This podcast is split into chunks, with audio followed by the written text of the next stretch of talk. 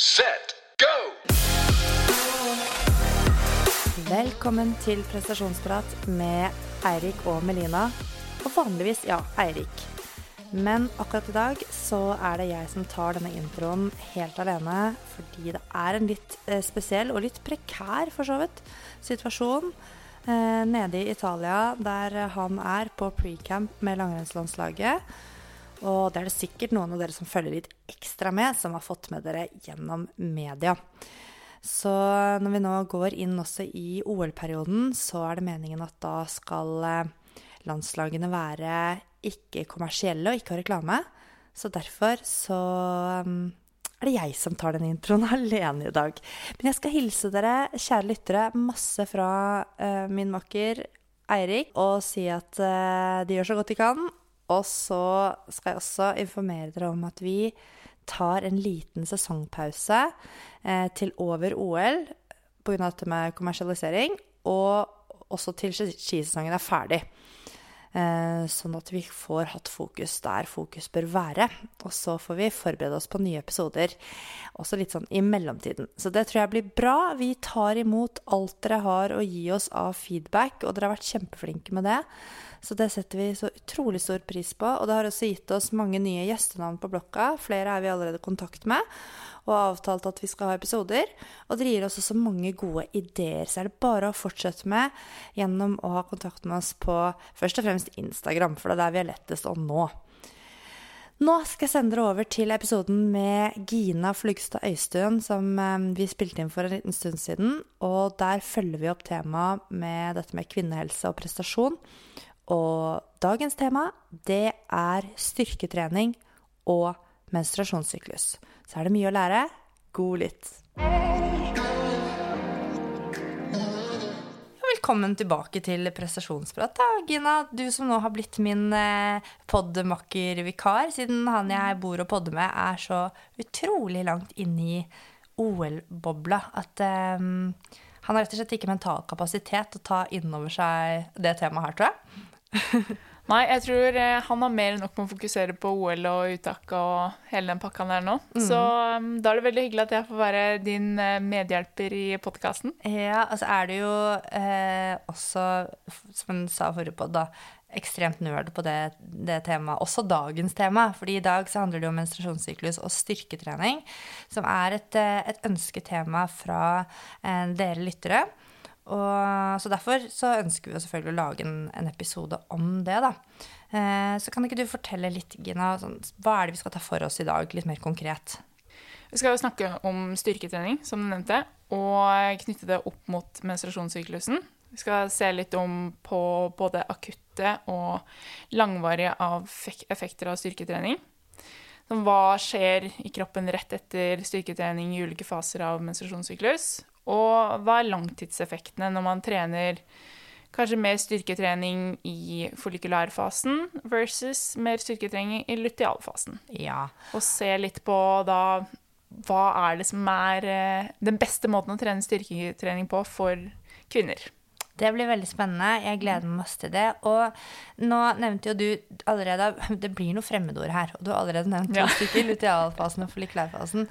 Og, Kanskje vi skal bare kort repetere de? Ja, kan ikke du ta det? Jo. Det follikulærfase er jo fra dag én i syklus, altså, og dag én er første blødningsdag. Og denne follikulære fasen varer fram til eggløsning. Og så lutealfasen er da fra eggløsning og fram til menstruasjon igjen. Ja. Og så tenker jeg det, liksom, Vi sier ikke mer om det eh, enn som så, fordi man kan gå tilbake på forrige episode og få mye mer detaljer rundt dette her, da. Sånn at vi da kan konsentrere oss mer om styrketrening. Ja. ja. Men da skal vi faktisk starte med en fast spalte i Prestasjonsprat-podkasten, og det er Fysiologitimen. Ja, da er det altså eh, vår kjære fysiologitime, og vi er jo eh, eh, fysiologer, vi, Gina. Sånn at eh, dette kan vi jo i hvert fall si et par ting om. Men vi må begynne, liksom, vi må begynne helt med basicen. Eh, og etablere hva er styrketrening? Styrketrening, det er eh, trening av spesielt muskler, men også sener og ligamenter og skjelettet ikke minst. Eh, og det er mange ulike typer styrketrening, bl.a. utholdende styrke, eksplosiv styrke og maksimal styrke.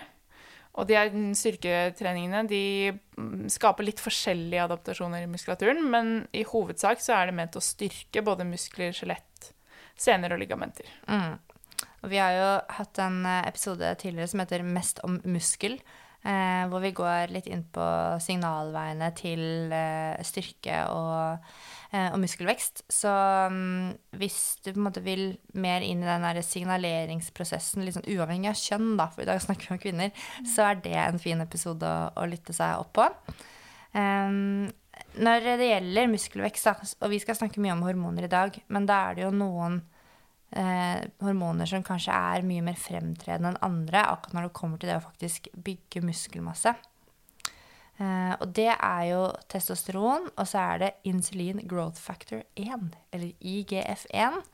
Og så er det veksthormon, og så er det DHEAS. Hvordan sier du det, Gina? DA. DAS. Bare ja. DAS. Ja, det, er, det jeg føler også sånn DAS er det enkleste å si. Og det er jo et akronym, men jeg tror ikke jeg tar hele ordet, fordi da blir det så tungekrøll her.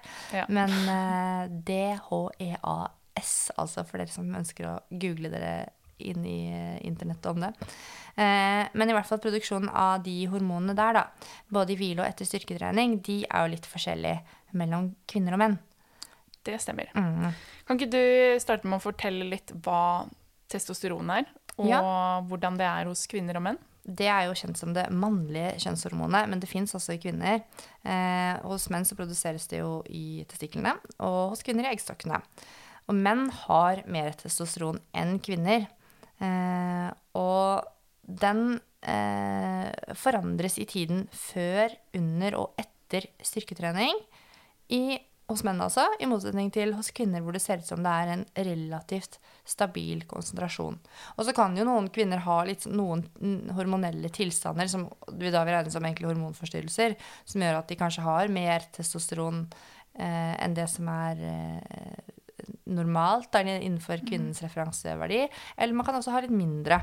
Men sånn generelt så, så er det ganske sånn stabil hormonkonsentrasjon hos kvinner, da den eneste som faktisk er stabil. Eller ja. en av de få, I hvert fall når de kommer til kjønnshormoner. Ja, så. Det er dagens uh, første fun fact. Ja. den eneste. Det er sånn cliffhanger for å huske på hva det var greia med testosteron. Den eneste som er stabil.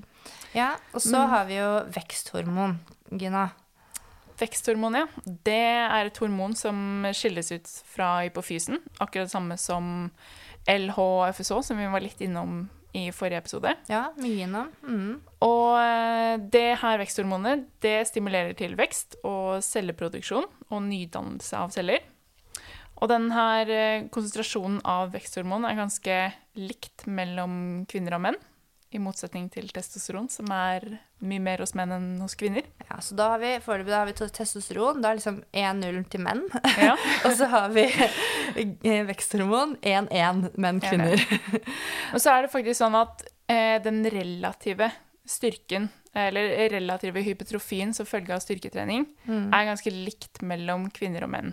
Ja. Så da, for at vi skal utjevne det her, så må det jo være et annet hormon som gjør at vi får 2-2.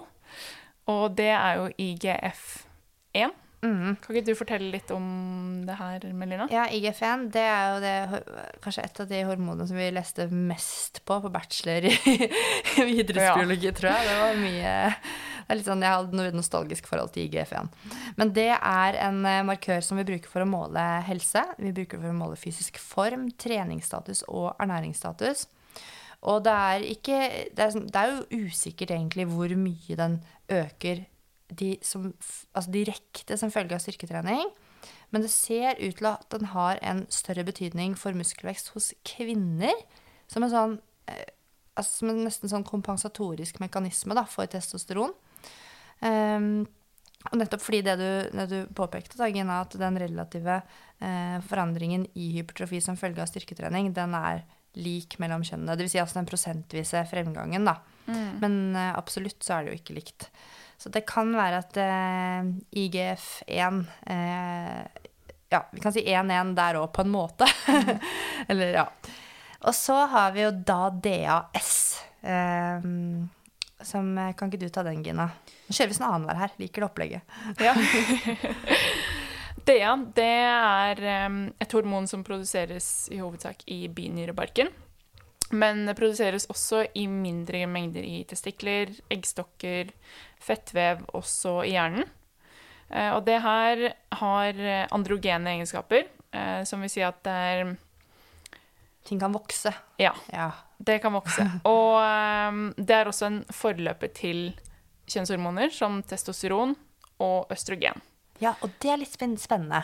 Det er det. Ja. Så f.eks. for eksempel rett før eggløsning så øker konsentrasjonen av DA, DA som eh, ja, jeg kaller det, da, og, og det fører da til produksjon av mer østrogen. ja, ikke sant? Så det lønner seg å ha litt av det der. Mm. Mm. Ja, og da har vi liksom fått tatt for oss kanskje de viktigste Det er jo ikke de eneste hormonene. Det finnes alltid, som du var inne på, forløpere. Eh, det er jo mange varianter av hormoner. Det finnes mange varianter av østrogen. og det mange varianter, ja.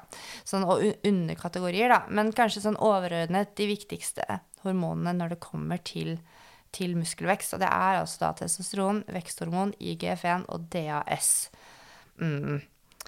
Eh, ja, og så er det jo da dette østrogenet, som er eh, det kvinnelige kjønnshormonet. Og nå skal vi snakke om kvinner og menstruasjonssyklus. Og da vet vi at østrogen svinger både opp og ned i løpet av syklusen. Så hvordan påvirker de kvinnelige kjønnshormonene muskelen og dens evne til å vokse? Veldig godt spørsmål. Da kan vi jo starte med å forklare litt mer om østrogen. For det er jo et hormon som stiger i den follikulære fasen, og så dupper det litt i lutealfasen, mens øker mot, slutten, eller mot midten av lutealfasen. Ja. Og i um, Frem til overgangsalderen for kvinner så um, vil østrogen produseres eh, fra kolesterol via en serie rekke reaksjoner i eggstokkene. Og etter overgangsalderen, også hos menn, så skjer denne reaksjonen i, kun i fettvevet. Mm. Og det er jo litt interessant, fordi nå skal vi ha en annen episode om overgangsalder. Eh, den kommer ikke helt ennå. Men ehm, eh, Og prestasjon, selvfølgelig, fordi det er jo det vi snakker om her, prestasjonsprat. Men i hvert fall, det betyr jo også at, ikke sant eh, eh, Hvordan Altså, kolesterol er et helseparameter, og østrogen er også et helseparameter. Og hvor, hvordan østrogenmengden er i kroppen, vil ha, kunne ha eh, implikasjoner da, for helsen.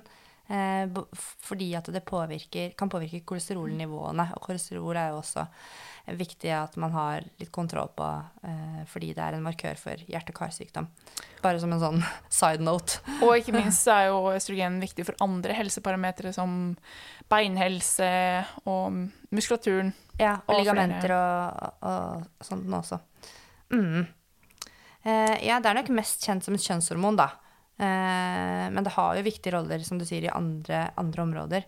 Og østrogen, det eh, Du har jo på en måte sagt det med tanke på hvordan det går i syklus, da, men jeg syns det er litt morsomt at det kan øke liksom i løpet av, i løpet av en syklus, så kan det liksom øke opp fra tigangen og helt opp til hundregangen.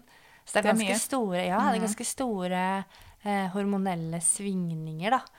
Eh, det er veldig interessant det synes jeg, å tenke på at eh, det er aldri status quo. Det er det ikke noen, ikke i mann, mannskroppen heller, men virkelig ikke i kvinnekroppen. Og med tanke på de svingningene her, da, så er det ikke så rart at man kanskje føler seg litt forskjellig, og at man responderer litt forskjellig på det man gjør i ulike faser av syklus. Og um, østrogen har jo også reseptorer på muskler, sener og ligamenter som vi skal snakke litt mer om og gå mer inn på i dag. Eh, og på grunn av det, og at styrketrening da påvirker både muskler, sener og ligamenter, så kan det være at man føler seg litt At man responderer litt annerledes på styrketrening i ulike faser av syklus. Mhm. At liksom det, nettopp det med eh, østrogenkonsentrasjonen kan ha påvirkning på hvorvidt man er mottagelig for anabolt, eller veldig mottagelig for anabolt stimuli, eller mindre mottagelig. Altså det er liksom grader av det basert på hvor man er i syklus, da kanskje. Det kan absolutt være. Men i utgangspunktet så er jo østrogen et anabolt hormon som er med på å bygge opp eh, muskulaturen og, og ligamenter og ligamenter. I motsetning til progesteron, som kanskje kan være litt mer katabolt, men vi vet fortsatt veldig lite om progesteron og hvilken effekt det har. Eh, det er jo kanskje fordi det er litt vanskelig å måle i en fase hvor du kun har høye progesteronnivåer, fordi i en menstruasjonssyklus så finnes ikke det. Da eh, progesteronnivåene er jo lave i den folliculære fasen, Mm. og så øker de i lutealfasen, men da øker jo også østrogen. Ja, så det får liksom ikke én fase ikke den isoleringen. Nei, hvor Nei. du kun har høye progesteronnivåer. Nei, og det vil jo kanskje også henspeile at Dette vet jeg jo ikke, da, men at det, det er jo sånn Responsen i styrketrening det er ikke avhengig av én, det er jo samspillet. Det er ikke Ja. avhengig av én ting, og der er det tydelig et samspill da, med progesteron og østrogen, med tanke på at det, det fins en fase hvor begge deler er relativt høyt, da. Um, og så østrogen kan jo også faktisk ha uh, beskyttende effekter. Uh, Ja. Det syns jeg også er veldig spennende. At, um, og særlig, Det er liksom fint å tenke på da, som kvinne som har, har østrogen, eller i hvert fall en viss mengde av det, at det kan kanskje ha en motvirkende effekt på den treningsinduserte nedbrytningen av muskulaturen. Dvs. Si kanskje man kan faktisk residuere bedre, egentlig. Eh, eller at du får en sånn beskyttende effekt under trening. Um, fordi at um, det fins jo en sånn eh, Ikke en forløper, men en variant av østrogen som heter eh, estradiol. Og det er jo eh, en sånn type antioksidant og en membranstabilisator som eh, på sett og vis kan ha en beskyttende effekt eh, på cellene, da. Og østrogen kan jo også ha faktisk en eh, Eller det kan i hvert fall se ut til at det kan ha en beskyttende effekt eh, på muskulaturen ved at når østrogen er høyt, så kan det kanskje være at man har litt eh, lavere såkalte CK-verdier. Eh, kreatinkinase, da, som er noe som ofte brukes som et mål på eh, nedbrytningen av muskulatur. For, for å ta et eksempel, da, hvis man har fått rabdomyolyse, så har man, mm. har man Høye. eh, veldig ekstremt høye. Eller hvis man er syk, selvfølgelig. Eller, ja, men at, at man har eh, nedbrytning da, av, av muskelvev. Da har man høye CK-verdier. Og det kan være som følge av eh, både enzymlekkasjer, at det er eh, flere ting som, eh, som CK reagerer på da, i nedbrytningen, og, og også et, mål på, et indirekte mål på inflammasjon. Det fins jo andre markører som kanskje bedre måler inflammasjon direkte, men, men det er en markør på det. Så, så det er eh, ja, mye Østrogen positivt. har eh, mange påvirkninger Ja. på kroppen, og eh, en, vi må nerve effekten den har på nervesystemet også. For den har en type nevroeksitatorisk effekt. Ja, det er Eh, et sånn tricky ord, da. Ja, ok, eksitasjon. ja. Hva betyr eksitasjon? Det er jo ikke sant at em, Vi har snakket om aksjonspotensialer i andre podkaster, men uten å skulle forklare det så mye, så handler det jo om liksom den, den Hvor effektiv er den elektriske ledningen Fyringa av muskulaturen. fyringen å, Ja. og liksom Fyringen av nervesignaler, rett og slett. Fyringen av nervesignaler. Det er det det eksitatoriske handler om. Men ja, take it Så away, Gina. østrogen kan ha en positiv effekt på den fyringa her. da. Være med å liksom aktivere muskulaturen eh, i stor grad. Mens eh, progesteron på den andre siden kan ha en litt sånn hemmende effekt her. Mm. Og da jo jeg, begynner jeg med en gang å tenke på eh, liksom de forskjellige fasene av syklus. Fordi det er jo sånn at østrogen og progesteron varierer i løpet av de, i løpet av de ulike fasene av syklus. Ja. Så ut fra det vi har sagt nå, så skulle man kanskje tenke seg at ok, østrogen det er et anabolt hormon, og det er høyt, eller stiger gradvis fra starten på den follikulære fasen og fram til eggløsning. Da skulle man kanskje tenke seg at det lønner seg å trene mye styrke i den perioden her for å få utnytta de positive effektene av østrogen. ja, det er veldig sånn umiddelbar tenking, ja. Ja, umiddelbar tenking. Og så i den lutealfasen så er jo både konsentrasjon av østrogen og progesteron relativt høy. Så da skulle man kanskje tenke seg at ok, det kan være litt dårligere effekt her pga. at progesteronen har en litt sånn hemmende ja. At det kanskje demper litt. Demper litt effekten. Mm. av østrogenet. Men eh, er det faktisk sånn, da? Det skal vi snakke litt mer om nå. Det må vi dykke litt mer inn i. Ok, da skal vi snakke litt mer om effekten av styrketrening i ulike faser av syklus. Og hvis du først kan eh, snakke litt om den akutte effekten av styrketrening på ulike faser av menstruasjonssyklus, Melina? Mhm. Eh, altså, akutt, det er jo kanskje viktig å si først og fremst. Da. Noe som er akutt, det handler jo om noe som skjer umiddelbart. Sånn at de eh, tingene jeg skal fortelle nå, det er jo eh, basert på studier og rapporter der man har målt hvordan er styrke på dagen. Altså i dag, på denne økta, på dette tidspunkt i en gitt syklus. Eh, så det handler jo ikke om effekten av trening over tid. Det er kanskje den viktigste forskjellen. Ja. Det som skjer i dag, versus effekten av trening over tid. Så når det gjelder da, de helt kortsiktige og, og um, akutte effektene, så er det jo det er viktig å kanskje først si at det er ikke så fryktelig mange studier på det her. Og så er det veldig stor variasjon mellom studiene. Så det er vanskelig å sammenligne de sånn head to head. Um, men når det er sagt, da, så er det jo noen studier som ser økt styrke i follikulærfasen. Men så er det noen som ser det i lutealfasen. Og noen ser, finner ingenting. At det ikke er noen variasjoner. Og det kan godt være det er sånn.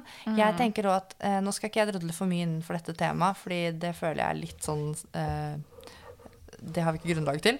Eh, men, men det kan også være individuelle forskjeller. Hvordan det, det kan det være. Eh, Helt klart.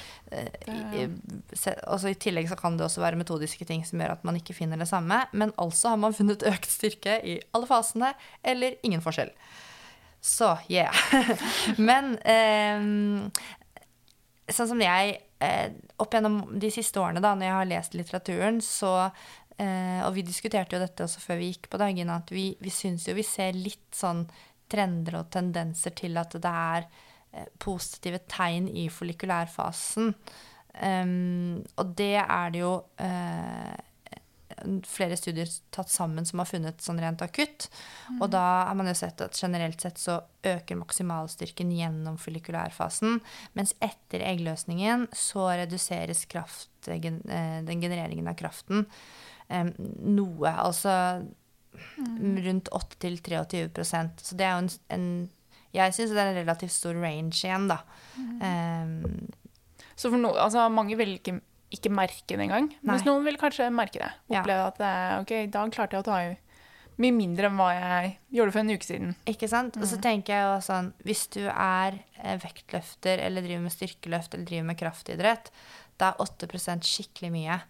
Men 8% for meg, som driver med utholdenhetsidrett, som ikke har et høyt styrkenivå fordi jeg ikke prioriterer det, eh, så er ikke 8% så mye. Så det er jo også veldig sånn Hva de prosentene har å si, kommer også an på hvem du er. Ja. Eh, men uansett, da, det her så ut til å gjelde både for overkropps- og underkroppsstyrke. Men bare vit det at dette er ikke sånn bank i bordet-resultater i det hele tatt. Eh, når det gjelder da de, de akutte målene. Men det er jo noen som har gjort langtids... eh, Eller langtids, alt er relativt, men re, re, lengre studier på, eh, på dette med hvordan menstruasjonssyklusen påvirker styrketreningen, og effekten av styrketrening når det gjelder sånn det som vi ofte nå på folkemunne kaller syklusbasert trening. Det stemmer. Det er jo noen studier som ser at eh, både eh, muskeltverrsnittet, altså størrelsen på muskelen, og muskelstyrken øker som følge av follikkelbasert styrketrening sammenligna med lutealbasert styrketrening.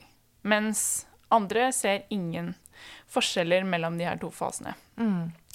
Men det er jo ikke sånn at selv om man kjører en treningsintervensjon på 8-12 uker, hvor man trener styrke enten mest i follikulærfase eller lutealfasen, at man kutter helt ut styrke i den andre fasen. Nei, det er det. Du holder det fortsatt ved like, eh, fordi en av de viktigste eh, prinsippene for å få god effekt av styrketrening er jo kontinuitet. Ja. Det gjelder jo for så vidt all trening. Det er jo en summering av effekt, liksom, over tid. Helt klart. Så, men det de har gjort da, i studiene hvor de har undersøkt, undersøkt om eh, det lønner seg å trene styrke i en av de to fasene, om det kan favorisere muskelvekst og muskelstyrke, så har de redusert volumet i den fasen hvor de f.eks. si at eh, de trener styrke i follikulærfase, og så reduserer de da volumet i lutealfasen på én gruppe, mens på andre gruppen så trener de mye styrke i lutealfasen og reduserer volumet Ja.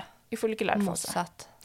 Og da gjør de det i 8-12 uker og måler styrkefremgang både, eller styrketester både før og etter den perioden her, for å se hva, er, hva slags type styrketrening er det som gir best fremgang. Og økning i muskelmasse. Mm. Er dette det maksimal styrketrening, da? Ja. Eller, eller sånn hypertrofi slash maksimal? Det er sikkert et eller annet sted på kontinuumet der. Ofte, i mange studier er det i hvert fall det. Ja. Så, og da ser man gjerne det at det er eh, indikasjoner på at man får størst effekt ved å trene litt mer volum i follikulær fase sammenligna med lutealfasen. Ja. Så det handler om å trene mer, men ikke nødvendigvis høyere intensitet. Nei. Det, man, at man ha- kan ha litt større volum i den follikulære fasen, og så kanskje redusere enten antall økter i uka, eller antall repetisjoner, serier, eller motstand i lutealfasen. Ja. Jeg kjenner jo folk som har prøvd dette her. Ja. Fordi at man har jo liksom fått med seg noen studier og noen resultater og, eh, og sånn. Og, og de som også, som vi snakket mye om i forrige episode, opplever veldig sånn PMS og opplever seg veldig forskjellig i de ulike fasene, har jo pga. det mest da, prøvd å Ja. legge opp etter syklusen, men som har fått veldig god fremgang av å eh, ha høyere volum i follikulærfasen. Og det blir jo bare sånn anekdotisk. Det blir jo bare, ikke sant, det er en bekjent, en venninne eller sånn og sånn. Men, eh, men jeg syns jo det er eh, Og så kan det jo være det at ved at man har det fokuset, kanskje man blir flinkere på de forskjellige Altså forskjellige faktorer rundt som kan påvirke treninga. da, Fordi at man nå har satt i et veldig system. Det kan gi en positiv effekt utover akkurat systemet. Så, så jeg skal ikke si at det, liksom, det funker. Og så er det noe med det eh, belastning-tilpassing-prinsippet. da, At Ja. man skal trene litt tyngre perioder, og så skal man restituere og trene, skal vedlikeholde, men ikke bryte ned mer. da. får en sånn undulering, sånn Ja. naturlig sånn bølgeaktig periodiseringsvariant. Så det, det? Det, det i seg selv kan kanskje ha en positiv effekt, da, uavhengig av Av- hvordan disse hormonene svinger opp og ned. Så det er jo fort gjort å si Mm. at jeg begynte med syklusbasert trening, og nå er jeg på lag med syklusen min. Ja. liksom sånn, og derfor sånn og sånn. Så, det, sånn, så jeg sier dette nå bare sånn, så vi prøver bare å nyansere litt, da. Ja. Man skal, vi skal være litt sånn forsiktige med å si hvor, akkurat hvorfor kanskje disse positive trendene er der. Men, men skal ikke si at det ikke Mm. har noe med, med follikulær fasevolum å gjøre. Det kan absolutt være. Det kan det, Mm. helt klart. Men så har du jo også mm, Det er jo ikke alle som har en regelmessig menstruasjonssyklus. Nei. Og da, hvordan skal man da trene follikelbasert styrketrening og redusere volumet i lutealfasen? Eh, det, det er ikke sikkert man har liksom et godt signal på hvilken fase man er i. eh, og det er ikke sikkert man har en tydelig syklus heller. Og da kan det være sånn at eh, effekten av styrketrening også er litt annerledes. Mm. For eksempel, det er jo flere studier som har undersøkt de med oligomenoré. Mm, Altså Hva er det for noe igjen? Da har man en lang syklus som varer lenger enn 40 dager. Og har eh, ikke, mm, ikke den typiske hormonprofilen som vi har ved en naturlig, regelmessig menstruasjonssyklus mellom 21 til 35 dager. Mm.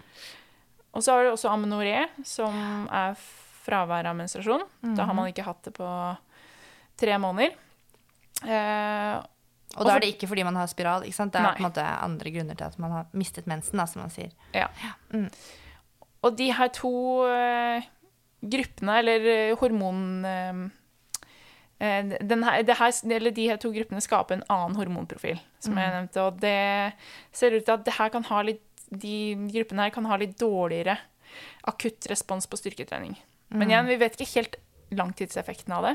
Nei. Men akutt så kan det se ut til at det er litt dårligere, kanskje pga. lav hormonproduksjon. Ja. Og at eh, En ting er at det påvirker kjøn, produksjonen av kjønnshormonene, men det kan også påvirke produksjonen av de andre hormonene som er viktige for effekten av styrketrening, som ja. vi nevnte. Sånn som veksthormon og IGF-1 og, og den gjengen. Den gjengen. Ja. Mm. Men det her fortsatt eh, Vet ikke så mye om det her ennå, og vi vet i hvert fall ikke om så mye om prevensjonsmiddel og effekten av det på styrketrening. Fordi det er jo så mange ulike varianter og ulike hormonkonsentrasjon i de ulike midlene. ja, nettopp. Så her, eh, her kan vi ikke komme med noen gode anbefalinger, altså. Nei, og det er jo noen studier som ikke engang rapporterer hormonkonsentrasjonen i f.eks. den p-pillen som eh, deltakerne bruker. Og da blir det også veldig vanskelig å liksom Det blir vanskelig å tolke resultatene hvis du ikke vet egentlig hva hormonkonsentrasjonen er, for da er det vanskelig å si hvilken grad det påvirker. Eh, og så fins det jo x antall varianter da, av ulike typer eh, hormonmengder i forskjellige hormonpreparater. Så det er jo Vi var jo, snakket jo mye om dette i forrige podkast, men det er jo kjempevanskelig å studere. Men det gjør jo også at det er ikke mulig per nå å si hva som er best for verken muskelvekst eller, eller muskelstyrke når det kommer til prevensjonsmiddel, da. Det er jo bare sånn Der, der er det ståa nå. Der er ståa nå. Rett og slett. OK. Da har vi en liten eh, Q&A her på slutten eh, med spørsmål fra lyttere. Og da har vi valgt ut et par stykker. Så da tar jeg eh, programlederrollen og spør deg, Gina. Hvordan skal man vite hvilken fase man er i? For nå har vi snakket om at du kan kanskje oppnå bedre styrkeresultater f.eks. i follikulærfasen, men hvordan i all verden skal man vite liksom hva man skal trene når? Ja, det er et veldig godt spørsmål. Først og fremst så kan du jo kartlegge syklusen din, men det snakket vi veldig mye om i forrige episode. Eh, Og ved å kartlegge så kan du da finne ut om det er variasjoner eller er det typiske signaler som du får i follikulærfase sammenlignet med lutealfasen. Mm. Og så har du et annet eh, mål. Du har objektive mål, som eh, temperatur f.eks. Hvis du måler temperaturen din hver dag gjennom en eller to sykluser, så vil du se at kroppstemperaturen stiger litt i lutealfasen. Mm. Det er ikke mye, men 0,3 til opp mot 1 grad, Ja. Men jeg husker sånn cirka. Eller så kan man også ta en eggløsningstest, men det gjør man jo som oftest bare gjerne når man ønsker å bli gravid. ja men eller man kan kan jo bruke det til andre ting òg, da. Ja, ja. Mm. Hvis man ønsker å bli bedre kjent med syklusen sin, så um, vil jeg anbefale å teste det. For der får du et tydelig mål på hvor du er i syklusen din. Mm. Og da får man et utgangspunkt man kan begynne å liksom telle fra, da. På en Ja. måte. Så da start med å ta eggløsningstest på dag åtte i syklus, til man får en positiv test. Og da er det et indikasjon på at ok, nå har LH-konsentrasjonen i urinen økt, og da har jeg eggløsning innenfor 48 timer. Det er bare å få det på. Nei, det er bare, og, Eller jo da. Nei da. Ja. Eller jo da. og eggløsning er jo da det tydelige skillet mellom lutealfasen og fo- follikelfasen. Ja, så da er man sikker. Ellers har man også utflod, kan man se på, eller bruke som en mål på at nå har man eggløsning. For da har man gjerne litt mer utflod, litt mer slim. Mm. Som også kan være et eh, tegn på at eh, ok, nå er jeg ferdig med follikelfasen. Mhm. Nå starter lutealfasen. Ja, det der vet jeg at det er mange som er faktisk veldig veldig opptatt av. Ja. Så, Går og snakker om uh, utflodden sin på kafé med venninna. ja, det er liksom ikke så Det er ikke det vanligste talking topic, men Nei. eh, jeg har uh, skjønt på, på noen, noen forskere og gynekologer at de, de er bare sånn helt sånn Obsessed Slimgeeks, liksom. Så ja. OK, neste spørsmål. Vi forlater det. Um, kan styrketrening oppleves tyngre i noen deler av syklus, men likevel gi samme resultat eller nytte, da? Det syns jeg var et uh, veldig godt spørsmål. Jeg måtte Mhm. tenke litt sjøl. For uh, jeg tror ikke det er noe sånn fasitsvar på det spørsmålet her. Men jeg vil si i utgangspunktet ja, på grunn med Mhm. bakgrunn i kontinuitetsprinsippet. Altså det er veldig viktig for å mm, få effekt av styrketrening Ja. og ha det over tid. Men jeg tror at du skal lytte til følelsen i kroppen din også. Så mm, hvis du eksperimenterer litt selv, da, hvordan føler du deg på styrketrening i follikulærfase og i etterkant?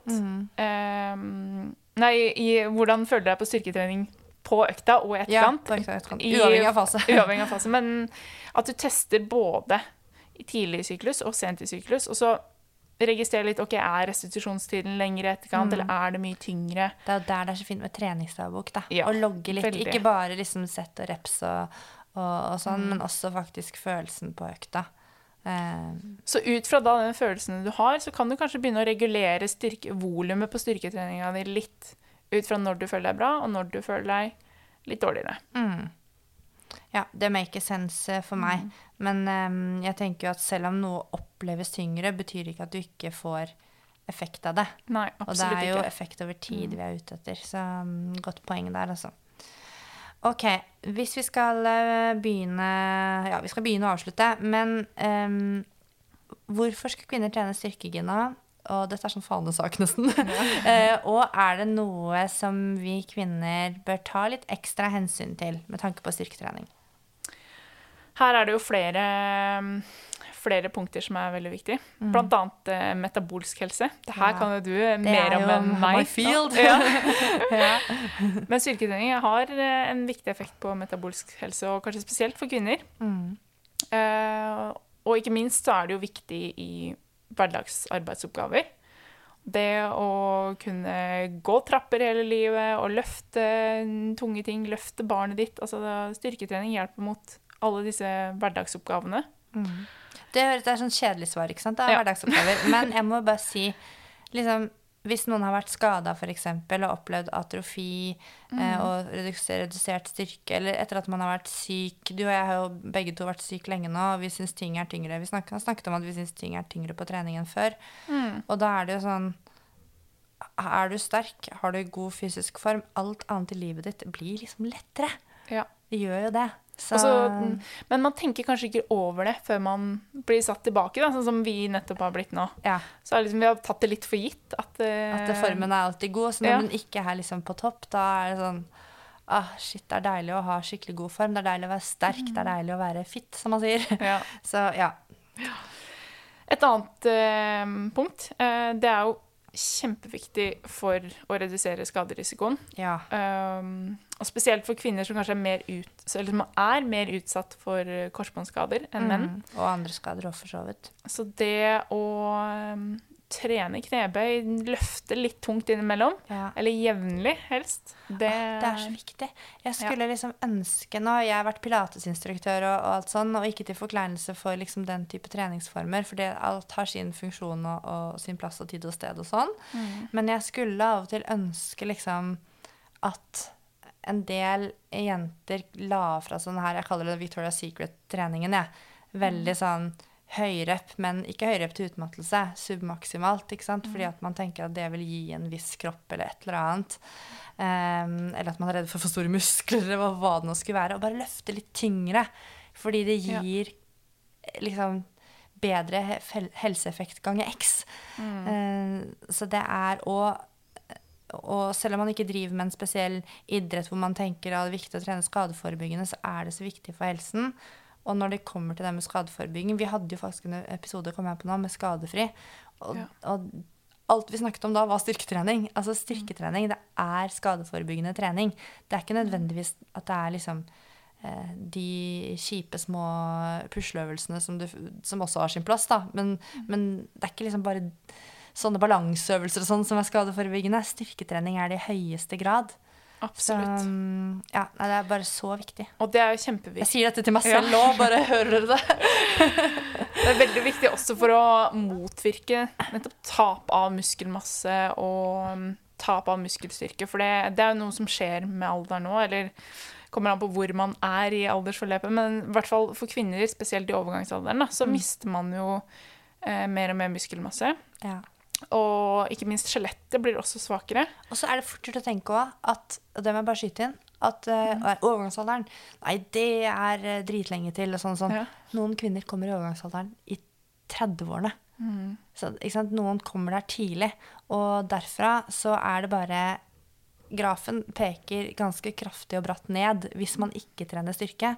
Men trener du styrke, så klarer du å bremse det alders- og også overgangsalderrelaterte tapet av muskelmasse. Da, du, da, flater ut kurven, som vi snakker om med, med, med korona, men vi snakker om det i styrketrening òg. Og det er aldri for sent å begynne. Nei. Det um, Start i dag. Mm. Begynn med styrketrening. Det er kjempeviktig. Og det tenker jeg også, eh, det er liksom en beskjed som, som eh, jeg tar veldig til meg, for jeg har nedprioritert det veldig det siste, det, siste I denne pandemien eh, har jeg nedprioritert styrketrening, for jeg syns ikke det har vært, er så gøy å trene styrke hjemme. Ja. Det, sånn er det bare. Eh, men men jeg, vi sender jo også denne her liksom ut til, til særlig mange kanskje utholdenhetsutøvere som eh, som syns at det er liksom litt trått å prioritere det. Mm. Men eh, det kan jo kanskje bidra til økt prestasjon, da. Ja, det er akkurat det. At eh, når det kommer til prestasjon, så er jo også styrketrening viktig. Både i løp Og det er jo flere studier som viser at styrketrening har positiv effekt på løpsprestasjon, Mm. langrennsprestasjon. Er det jo litt varierende øh, funn, men for kvinner For kvinner så er det ganske tydelig. Ja, fordi kvinner har jo generelt mindre muskelmasse enn menn. Og sånn langrenn er blitt i dag, overland-langrenn og langløp, så krever det at du er sterk i spesielt overkroppen.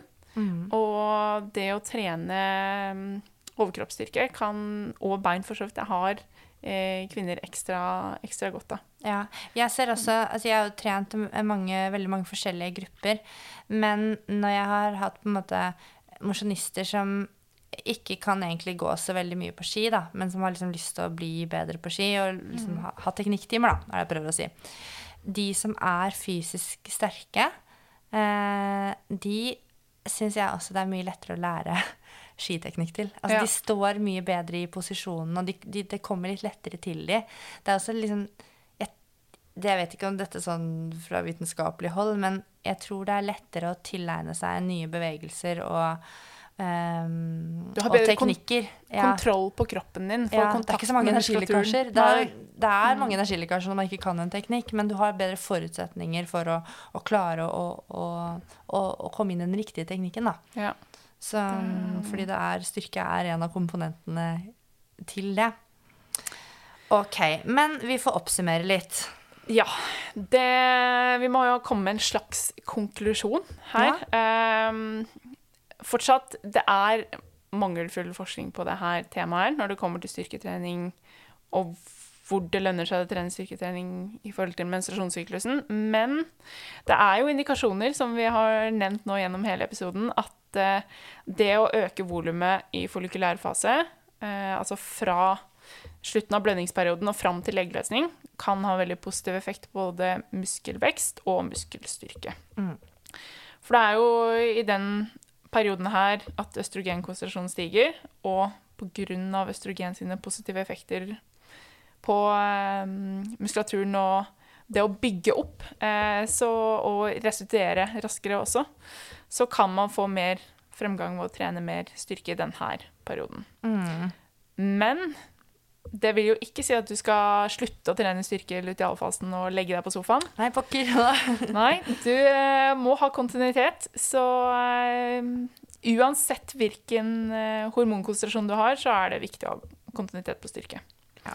Så, Jeg føler det trumfer så mye. Kontinuitet. Det gjør det. Ja. Helt klart. Så, men reduser volumet litt i, i lutealfasen. Det er i hvert fall noe du kan teste ut hvis du føler at eh, det er variasjon i hvordan jeg presterer på styrkeøkter, og restitusjonstid i, restitusjonstiden i etterkant. Mm. Ja. Det er jo veldig klare anbefalinger der, da. Så da Mm. er det egentlig Hvis du er nysgjerrig på det her, så da vet du hva du skal gjøre nå. Da er det tracke syklus, som du kan få detaljene om fra forrige episode. Forklarte jo litt nå òg. Og så er det rett og slett bare å helhjertet teste ut over tid. Hvis det er noen der ute som eh, har testa det ut, eller tester det ut og syns dere gjør dere selv noen nye erfaringer og opplevelser, så er det bare å dele det med oss. Det er morsomt å høre eh, Ja. hvordan, eh, hvordan liksom forskningen slår seg ut i praksis. Absolutt. Nå har jeg lest så mye forskningsartikler at det hadde vært gøy å høre litt erfaringer også fra personer. Definitivt. Ok, jeg, jeg skal vurdere om jeg skal prøve å teste ut det her, men først må jeg trene styrke litt mer kontinuerlig. Ja. Ok, tusen hjertelig takk for at du ville eh, leke podkast med meg i dag også, Gina. Vi har et par eh, kvinnehelsetemaer til på agendaen som eh, Altså, nå må jeg bare si Det er ikke sånn at Eirik ikke syns dette er interessant, men ja, det er viktig for meg å si. Jeg syns det er superinteressant. Ja, men, men du er sånn- syns det er mer ja. interessant. Og stakkars mann, han tenker så mye på OL at jeg får nesten ikke kontakt med han om dagen. Så han får være unnskyldt. Han eh, kan bare snakke om eh, mitokondrier og laguttak om dagen. Ja. Excel-skjema Excel-skjema og laktat. Ja. Veldig, ja. I høyden. Yes, i høyden, ja. OK, vi lyttes. Ha det bra. Ha det bra.